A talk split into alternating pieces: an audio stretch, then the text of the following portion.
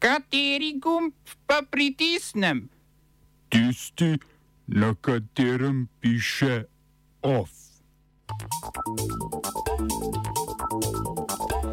Evropska unija dosegla dogovor o novem svežnju ukrepov proti Rusiji. Evropska komisija potrdila polski načrt za okrevanje in odpornost. Podaljšanje premirja v Jemnu. Ministrstvo za notranje zadeve umaknilo soglasje k tožbam zopr neprijavljanje shode. V kulturnih novicah ekonomika gospodinstva in modernizacija trgovin v socialistični Jugoslaviji.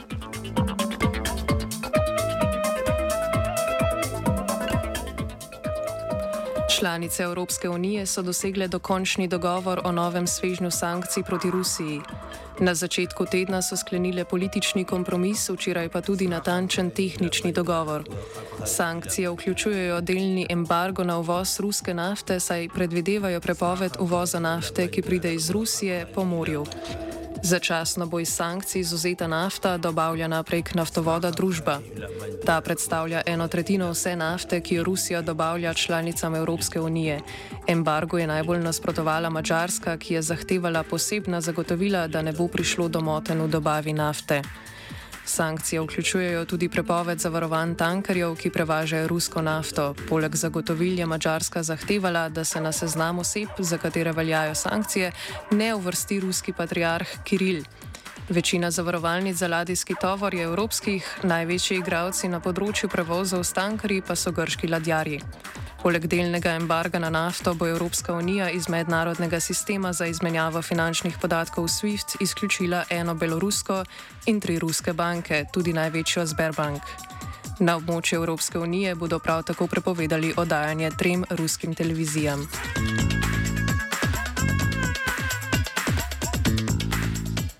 Ostajamo pri vojni v Ukrajini. Ruske vojaške sile so potem, ko so večino voja, vojske preusmerile na vzhod Ukrajine, tik pred zauzetjem mesta Severod. Severodonek. Po informacijah guvernerja ukrajinske regije Lugansk Sergija Gajdaja je ruska vojska zauzela 80 odstotkov mesta, bo, boji v mestu pa se še vedno nadaljujejo.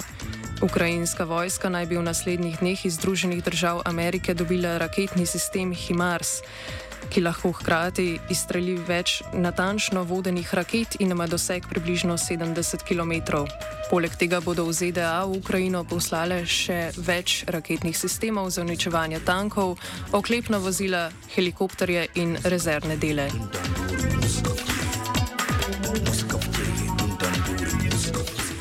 Evropska komisija je potrdila polski načrt za okrevanje in odpornost. Z odobritvijo načrta je odlašala dobro leto in sicer zaradi spora med Brusljem in Varšavo glede vprašanja vladavine prava.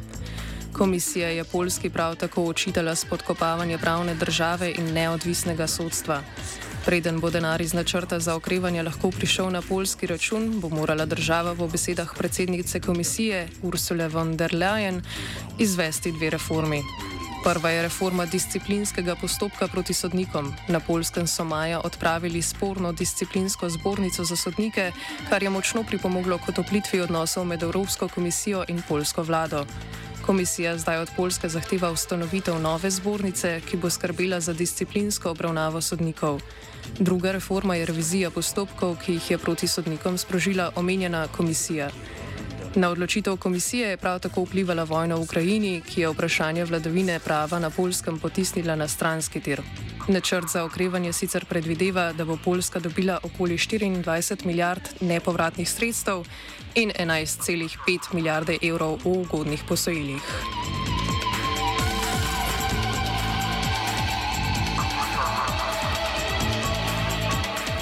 Mednarodno priznana jemenska vlada in uporniška skupina Hutijev sta podaljšali premirje, ki sta ga sklenili aprila letos. Premirje naj bi se izteklo včeraj, a sta se obe udeleženki po informacijah posebnega odposlanca Združenih narodov v Jemnu, Hansa Gruden, Grunberga, odločili za podaljšanje. V sklopu aprilskega premirja sta obe strani ustavili vojaške operacije, poleg tega pa so bili spet omogočeni leti iz Sane, ki jo nadzorujejo Huti v Jordanijo in Egipt. V Hodeji, Hodejdi, ki jo prav tako vladujejo Huti, pa je bilo odprto pristanišče za 18 ladij. Po podatkih Norveškega sveta za begunce se je število smrtnih žrtev v prvem mesecu premirja zmanjšalo za 50 odstotkov. Nerešeno ostaja vprašanje Tajzija. Tretje največje mesto, ki je prav tako pod nadzorom Hutijev, po podaljšanju premirja še vedno nima odprte glavne ceste, ki ga povezuje s preostankom države.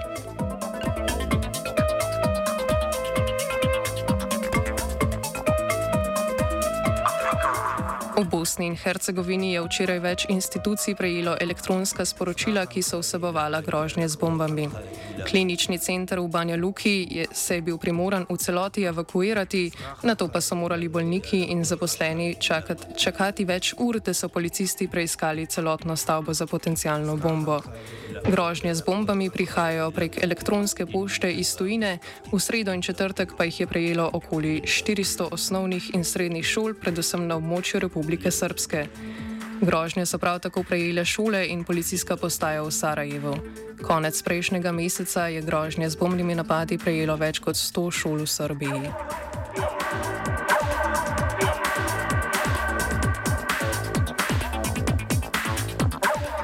V Kragujevcu se je včeraj začela stavka delavcev tovarne avtomobilov Fiat.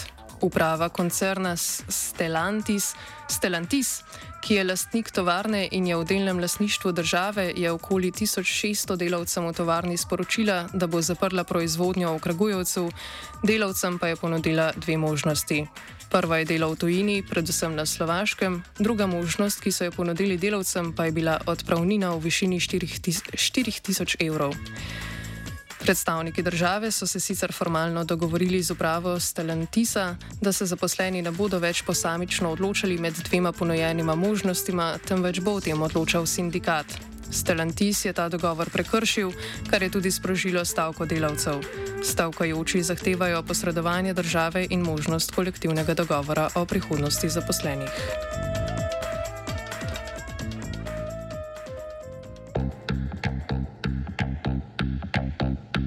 Smo se osamosvojili, nismo se pa osvobodili. Naslednje število je še 500 projektov. Izpiljene modele, kako so se strani nekdanje LDS rotirali. Ko to dvoje zmešamo v pravilno zmes, dobimo zgodbo o uspehu. Takemu političnemu razvoju se reče udar. Jaz to vem, da je nezakonito, ampak kaj nam pa ostane? Brutalni obračun s politično korupcijo. To je Slovenija, tukaj je naša zemlja! To je Slovenija! Slovenija!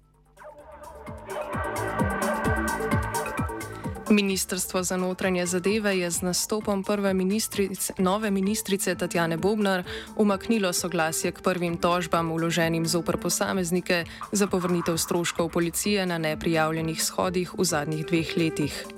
Ministrstvo se je, takrat pod vodstvom Aleša Hojsa, odločilo, da bo od domnevnih organizatorjev petkovih protestov terja, terjalo, terjalo, terjalo izplačilo stroškov policijskega varovanja. Ustavno sodišče je sicer presodilo, da so bili odloki o omejitvi gibanja zaradi preprečevanja širjenja COVID-19, ki jih je sprejela vlada Republike Slovenije, v delu, ki naslavlja prepoved zbiranja, neustavni. Kot so sporočili iz ministrstva, je nova ministrica Tatjana Bobnar s tem dejanjem upoštevala stališča državnega odvetništva ter varuha človekovih pravic. Lindon